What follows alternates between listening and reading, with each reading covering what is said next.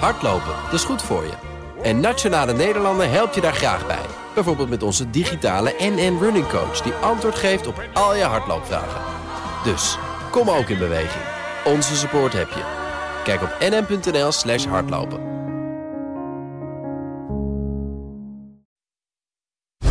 Cryptocast wordt mede mogelijk gemaakt door BitTonic. Al tien jaar lang de Bitcoin-autoriteit van Nederland.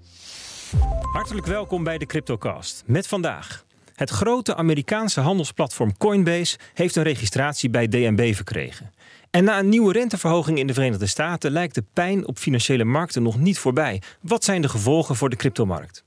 Dit is aflevering 239 met eerst een klein half uur crypto-nieuws hier op de radio bij BNR. En daarna gaan we door als podcast over de laatste ontwikkelingen rond digitaal centrale bankgeld. Je weet wel, de digitale euro in Europa. De gast van vandaag is Martijn van der Linden. Hij is lector New Finance aan de Haagse Hogeschool. En als co-host heb ik hier Paul Buitink, manager, managing director bij Holland Gold. Welkom mannen. Hi, goedemorgen. Wij geven geen beleggingsadvies, laten we daarmee beginnen. Vorm je eigen mening, maak je eigen keuzes en geef ons niet de schuld. Crypto kan, crypto kan lucratief zijn, maar is ook riskant. En we gaan beginnen met het nieuws. We gaan het over het nieuws hebben. Um, en dan gaan we eens eventjes kijken naar um, Coinbase, die de grote Amerikaanse beursgenoteerde uh, handelsplatform, die zich succesvol geregistreerd heeft bij de Nederlandse bank. Die houdt een register bij hè, wie, wie um, nou ja, voldoet aan alle criteria om hier in Nederland te mogen, actief te mogen zijn. Um, het voldoet dus blijkbaar nu aan de strenge Nederlandse regels en mag zich dus nu ook officieel op de Nederlandse markt richten. Paul, um, belangrijk nieuws voor de Nederlandse cryptosector, denk ik? Zeker, absoluut. Eh, Coinbase is natuurlijk een megapartij. Meer dan 100 miljoen eh, geregistreerde gebruikers. Um, wereldwijd een van de grotere partijen, samen met Binance en een paar andere. En het feit dat zij nu ook een registratie hebben en zich um, echt mogen manifesteren hier in Nederland. En met een, een, Nederlandse website, een Nederlands kantoor als we zouden willen. Marketing, uh, sponsoren, cryptocast, weet ik wat, wat ze allemaal zouden kunnen doen. Uh, uiteraard hebben we een andere mooie sponsor nu. Maar ze kunnen van alles doen nu. Dus dat is zeker groot nieuws. En veel Nederlandse burgers zullen dan meer met zijn aanraking komen. Het, is, het is er eentje van een lijstje. Je hebt een aantal grote, echt hele grote handelsplatforms. We hebben uh, naast Coinbase heb je nog Binance en FTX en Kraken bijvoorbeeld. Die, die, dus ik denk dat een beetje, nou, okay, OKEx of zo, of oké, Coins ook zo'n grote. En dit is eigenlijk de eerste. Waarom heeft het zo lang geduurd? Want we zijn twee jaar eigenlijk na uh, nadat de Nederlandse bedrijven zich registreerden. Ja, klopt. Sinds mei 2020 uh, um, moeten partijen zich registreren. En we hebben natuurlijk hier meerdere malen in deze show besproken over de kosten die daarbij komen kijken. En de moeite die het de Nederlandse partijen kost om dat goed te regelen bij de DNP. En buitenlandse partijen waren altijd een beetje ja, vaag over of ze wel of geen registratie wilden. We hebben natuurlijk in de zomer gezien dat Binance een, een dikke boete van ruim 3 miljoen kreeg. En Coinbase uh, was, uh, denk ik, al een tijd met ze in gesprek. En ik, ik vermoed dat ze het ook gewoon een beetje hebben uh, getraineerd. Want als je iemand met DNB in gesprek bent, dan gaan ze je natuurlijk geen boete geven. Want je bent, je bent bezig in het proces en je gaat voor de registratie. Dus ik denk dat er wellicht vanuit de kant van Coinbase een, een reden was om dat, dat uit op te rekken. Want op de achtergrond waren ze natuurlijk wel gewoon actief. heel veel van die partijen zeggen wel dat ze niet. Um, actief, actief zijn in Nederland. Maar ze gebruiken wel allerlei eh, partnersites en, en, en, middelen om toch de Nederlandse consument te bereiken. Ja, want die boete voor Binance, hè, ik heb me hier eventjes voor me op de website van de Nederlandse Bank staat uitgelegd. En er staat dat die is opgelegd omdat Binance cryptodiensten heeft aangeboden in Nederland zonder een wettelijk vereiste registratie bij DNB. Punt, dat is verboden. En um, dan denk ik even naar wat, wat, wat is nou cryptodiensten aanbieden?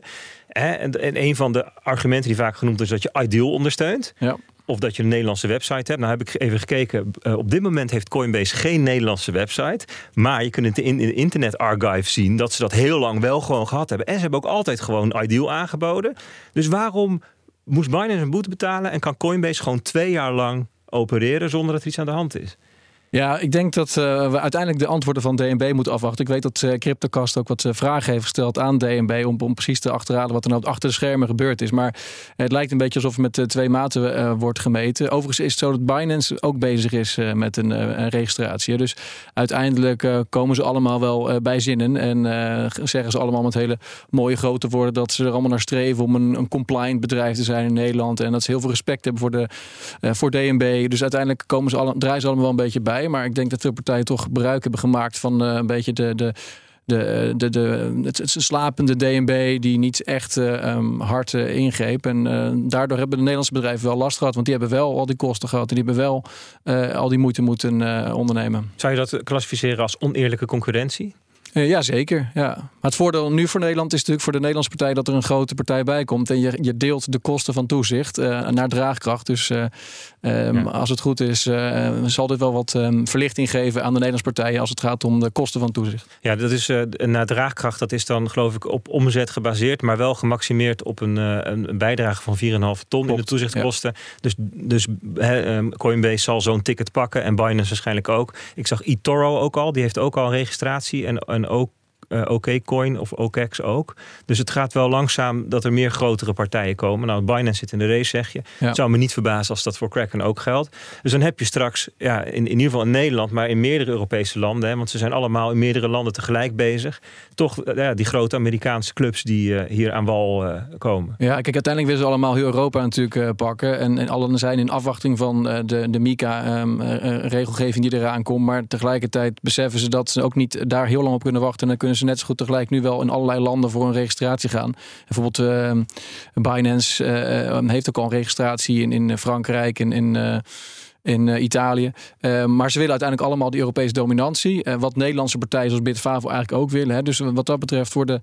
Voor de burger is het interessant dat er zoveel partijen zijn. Blijf natuurlijk wel kritisch met waar je, waar je je munten of je sleutels bewaart. Want not your key, not your coins natuurlijk. En Coinbase staat er niet zo heel goed voor. groot verlies van ruim een miljard in het tweede kwartaal 75% van de beurskoers is eraf gegaan. Dus of het nou zo verstandig is om daar uh, veel van je crypto te bewaren, dat uh, wens ik te betwijfelen. Nou, die nemen we in ieder geval mee, die, uh, die tip. Hey, Martijn, jij, hoe, volg jij dit dossier ook een beetje rondom... Ja, een beetje vanaf de zijlijn. En dan gaat het inderdaad vooral of gelijke instituten gelijk worden gereguleerd. Vooral dat is mijn interesse. Dus, dus zeg maar de, de inhoud, dat, dat vind je wat minder. Nou ja, dus de inhoud, kijk, al langer sinds de financiële crisis zie je van allerlei schaduwbankproducten. En cryptomunten eh, vallen er eigenlijk ook onder. Veel van die bedrijven die diensten aanbieden, die normale banken of andere financiële instellingen ook aanbieden. Maar die niet of op een andere manier worden gereguleerd. En mijn interesse, ook vanuit mijn onderzoek, is toch dat gelijke instituten die gelijk construct aanbieden op de gelijke manier worden gereguleerd, zodat je inderdaad een gelijk speelveld krijgt. Ja, dat zou dan een, het, het, zeg maar, dat is de theorie dan. Hè? En de praktijk wijst dus nu uit dat uh, grote jongens ja, toch makkelijker ermee wegkomen door zich er even niet aan te houden.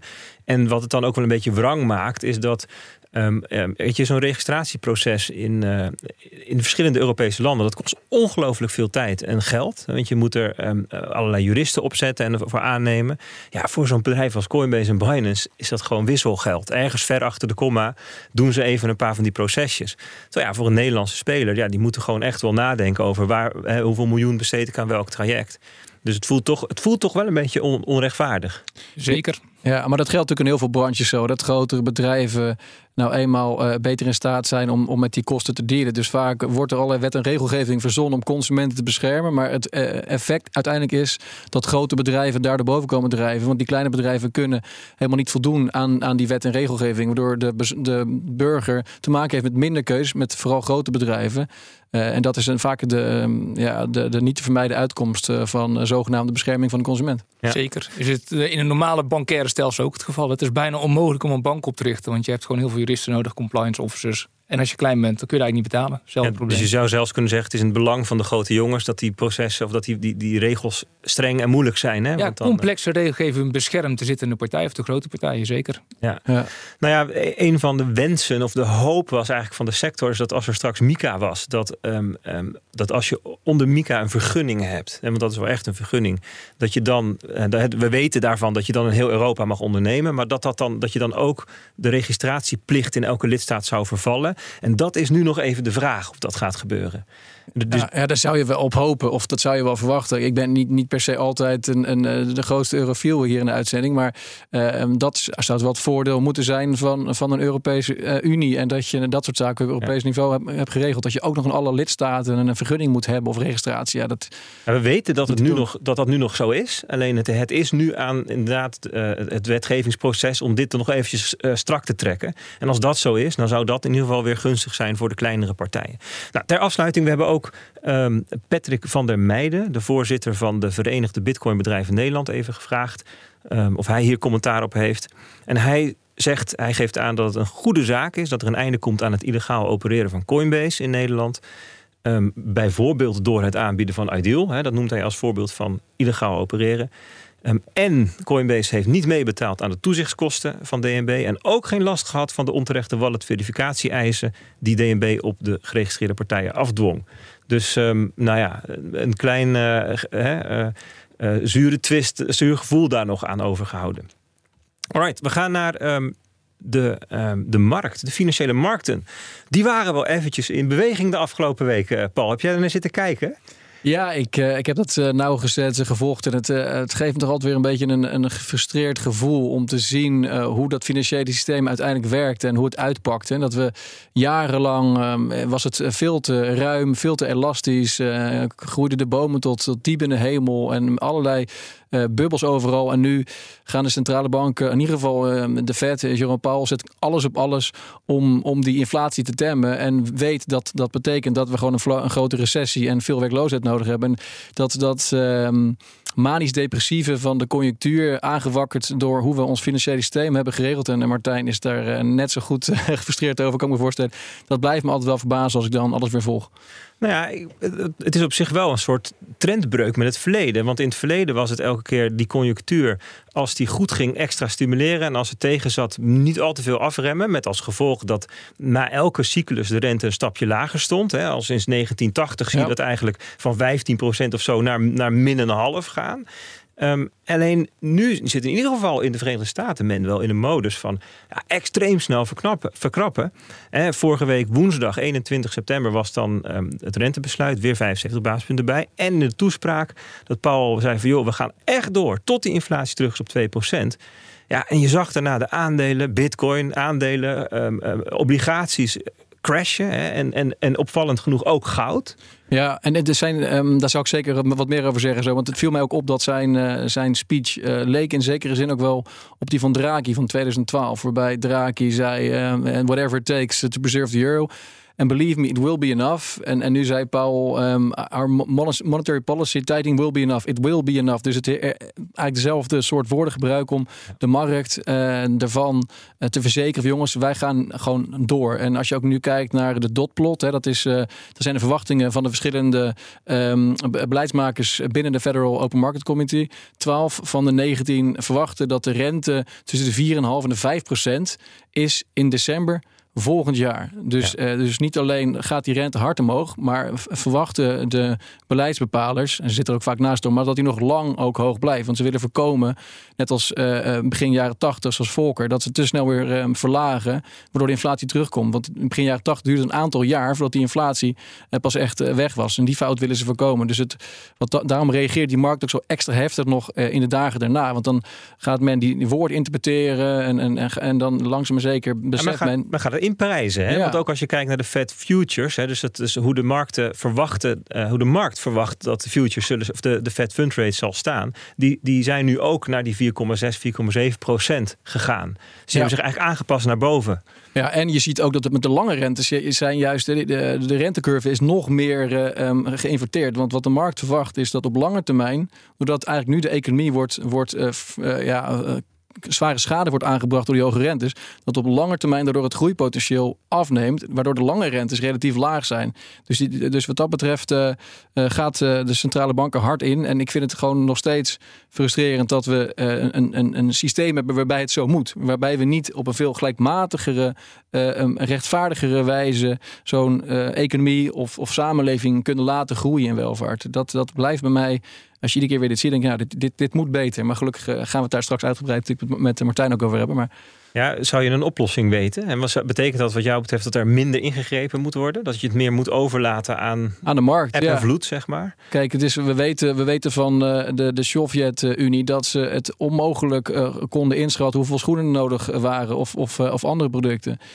dat wetende lijkt het me um, een vrij pretentieus om te veronderstellen dat centrale banken de, ken, de juiste kennis hebben om precies in te schatten wat, wat de rente zou moeten zijn. Dus ik denk dat we echt serieus moeten nadenken over over een complete hervorming van het financiële systeem en, en centrale banken om daar of mee te stoppen of in ieder geval um, grof tekort wieken. Om te voorkomen dat je iedere keer weer die periodes hebt van veel te ruim beleid en dan weer krapbeleid, waardoor we als samenleving te maken hebben met een constante golfbeweging die steeds heftiger lijkt te worden. Is dat iets waar jij ook over... Uh... Nee, zeker. Daar denk ik veel over na. En ik denk, ben het helemaal met Paul eens, ik denk dat die, um, die invloed van die centrale bank of die voetafdruk van die centrale bank in het monetair financieel systeem steeds groter is geworden. En dat alle actoren in het systeem ook steeds meer naar die centrale bank kijken. Dus wat die centrale bank doet, daar gaat iedereen op reageren. Eh, dat is een toenemende mate geval. En dan krijg je ook dit soort reacties. Want iedereen kijkt, nou ja, wat doet de centrale eh, partij?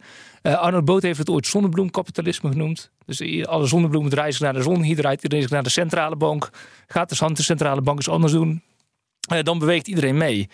En je kunt je zeer afvragen of zo'n systeem een goed systeem is. Ja, ik denk dus ook van niet dat je die, rol van die centrale bank, van die centrale, centrale autoriteit veel verder moet beperken. Goed, we gaan heel, heel even, wil ik nog hebben, Paul. Hè, jij bent ook uh, goudhandelaar. Hè, de, de, de, ook de edelmetalen staan onder druk. Terwijl traditioneel vaak wordt gedacht, hè, de, de, goud is natuurlijk een bescherming tegen nou ja, allerlei soorten vormen van tumult. Hoe, hoe duid je dat?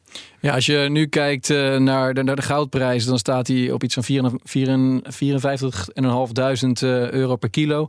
Dat was begin van het jaar nog ruim 51.000. Dus ten opzichte van begin van het jaar is hij gestegen. Maar hij is wel 10% gezakt ten opzichte van, van maart. Wat natuurlijk na de invasie ging die prijs hard omhoog. Maar dat toch een, dan als veilige haven wordt gezien. Met name als er geopolitiek hele grote strubbelingen zijn. En misschien men zelfs twijfelt aan bijvoorbeeld de dollar. Dan zie je dat goud uh, gaat, gaat schijnen. Maar goed, uiteindelijk... We, we, we, we, nu wel gunstig prijs in euro's en niet in dollars. Hè? Anders dan zag je ja, dan heb je natuurlijk met de euro te maken. En dollars ziet, het, ziet er anders uit. Omdat die dollar, daar gaan we het denk ik ook nog even over hebben. Die dollar is heel erg sterk geworden de laatste tijd. Um, ten opzichte van alles. Goud, ja, ja. euro, pond. 20 procent. Um, maar de meeste uh, goud is um, op lange termijn een goede inflatie hedge. Maar het is vooral een alternatief buiten systeem. Zoals Bitcoin het ook is. Dus iets wat je, wat je in je eigen beheer kunt hebben. Waar overheden, banken niet zomaar uh, beslag op kunnen leggen. of kunnen, kunnen bevriezen. Dat is vooral het belangrijkste. Het is een alternatief, niet censureerbaar alternatief buiten het financiële systeem. Dus het is eigenlijk niet zozeer een hedge tegen inflatie, maar meer een hedge tegen het falen van het, van het systeem. Ja, exact. En het falen van het systeem, dat kan te maken hebben met een ongebreidelde groei van de geldhoeveelheid. Hè? En dat wordt dan wel eens verward met inflatie, wat natuurlijk ja, ook heel erg volatiel kan ja, zijn met energie en weet ik wat anders. Exact. Maar vooral het internationale systeem, ik denk dat dat de essentie is. Goud, het goud een hedge tegen internationale conflicten. Is, is het historisch altijd geweest. Ja. Maar nog één ding voordat we ook even het gaan hebben nog over de podcast. Um, uh, vragen, hè? want je had net al over de, de lange rente. De, daarin zit ook de groeiverwachting uh, opgesloten of verwerkt. Um, en de, de, de, de Powell, hè, de, de baas van de Fed, die, die zegt altijd van joh, ik zou het, wat ik zo graag zou willen is de inflatie terugbrengen naar 2%. Um, zonder dat daardoor de economie echt in een diepe recessie raakt of de werkloosheid heel erg opnoopt. En dat noemen we dan een soft landing. Gaan we die krijgen? Ik ben bang van niet. Ik ben bang van niet. In Nederland hebben we nog groei gehad de afgelopen kwartaal. Maar als je, als je kijkt naar de, de signalen in Duitsland, waar we erg van afhankelijk zijn. Uh, en ook uh, vertraging en allerlei andere uh, indicatoren, krijgen we denk ik gewoon een, een recessie. En die kan denk ik, zeker als de, als de winter streng gaat worden, best wel eens heel hard zijn hier in, in Nederland en Europa. En dat is alles behalve soft. Dus een harde landing betekent uh, een recessie, diepe recessie, wereldwijde ja, recessie. hogere werkloosheid. En, uh, en, wereldwijd zie je met name inderdaad uh, als gevolg van die, de kracht van het dollar... Zie, zie ik ook echt problemen ontstaan in emerging markets. Maar je kunt jezelf bijna afvragen of wij ook niet een emerging market zijn nu. Of, of Engeland. Als je ziet hoe hard... ja, omdat we energie munt, moeten importeren. Ja. Hè? Dus dat geeft je munt een eigenschap van een... Ja, daarom. Dus ik heb altijd al een emerging market willen wonen. Maar ik wel gewoon een emerging market nu. Joh. Hoef je niet te verhuizen, dat is mooi.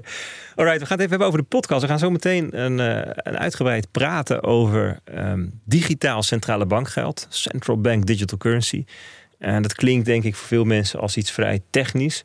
Maar het is een heel belangrijk onderwerp. Want het is, het is misschien wel het geld van de toekomst dat we hier gaan gebruiken. We hebben nu tientjes in ons portemonnee. Misschien hebben we over twintig jaar eigenlijk ja, die digitale euro als um, meest, wie zal het zeggen? Daar gaan we het over hebben. Um, ja, Martijn, wat zijn de belangrijkste ontwikkelingen van de laatste maanden in een, in een minuutje? Nou, de ECB die is in-house experimenten aan het uitvoeren. Dat is zeer belangrijk. De Europese Commissie die bereidt wetgeving voor. En in het voorjaar van 2023 zal het in het Europarlement worden besloten over die invoering van die digitale euro.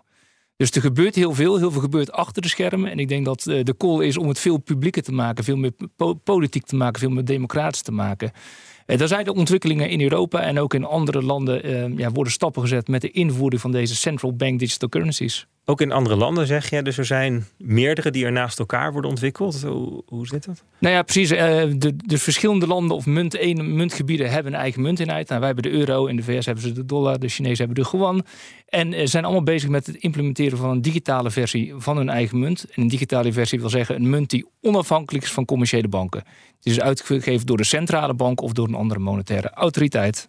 Zou je kunnen zeggen dat een uh, digitaal centrale bankgeld een soort van digitale vorm van contant geld is? Is dat een zeker? Nee, zeker. Dus, dus in essentie denk ik vooral als je naar kijkt naar, naar wat is de, de, de, moeilijkheid met commerciële banktegoed, is dat je een bankrun erop kunt hebben. Op contant geld kan het natuurlijk niet. En dat zou voor dat digitale centrale bankgeld ook zijn. Dat is een vorm van bezitten die van jou is. Maakt dat de commerciële banken, zet, zet, zet dat commerciële banken buiten spel dan? Dat zou kunnen. Dat zou dus een van de doelstellingen kunnen zijn om iets te ontwikkelen wat een concurrent is van commerciële banken. En dat zou dus een politiek onderwerp moeten zijn. En je ziet dat die centrale banken willen juist iets heel kleins implementeren. Uh, Panetta, de bestuurder van de ECB, zei een aantal maanden geleden in het Europarlement dat de digitale euro moet attractive zijn, maar niet too attractive. Want als hij te succesvol wordt, dan is het een gevaar voor de banken. Oké, dus het is een heel mijnenveld eigenlijk waarin dit ontwikkeld moet worden? Zeker. Er is een groot uh, machtsspel gaande over de toekomst van ons geld. En dan zou je eigenlijk zeggen dat wij als burgers daar wel iets over te zeggen zouden moeten hebben. Uh, nou ja, dat blijkt dus zeer moeizaam te gaan. Want het wordt dus nu vooral ja, binnen de ECB ontwikkeld. En het, dus de Europese Commissie is mee bezig. En alle twee uh, organen die niet gekozen zijn. En uiteindelijk zal er dus een voorstel komen voor implementatie. Daarover zullen dan de Europarlementariërs gaan stemmen. Uh, maar wat ze dan kunnen stemmen is ja, we doen het of nee, we doen het niet. En je zou toch iets willen hebben van tevoren welke doelstellingen willen we bereiken. En vervolgens gaan we naar die designvariabelen werken. Maar dit proces is een beetje omgekeerd gegaan. Interessant, dat gaan we bespreken in de podcast. Wat, uh, wat, die, wat die design um, um, mogelijkheden dan zijn en waar we dan nu staan. Um, bedankt. Tot zover de CryptoCast op BNR. dank aan mijn gast Martijn van der Linden en co-host Paul Buitink. Wie meegaat tot straks, wie het hierbij laat, bedankt. En graag tot volgende week bij de CryptoCast op BNR. CryptoCast wordt mede mogelijk gemaakt door BitTonic. Al tien jaar lang de Bitcoin-autoriteit van Nederland. Business Booster. Hey ondernemer, KPN heeft nu Business Boosters. Deals die jouw bedrijf echt vooruit helpen. Zoals nu, zakelijk tv en internet, inclusief narrowcasting... de eerste 9 maanden voor maar 30 euro per maand. Beleef het EK samen met je klanten in de hoogste kwaliteit. Kijk op kpn.com businessbooster. Business Booster.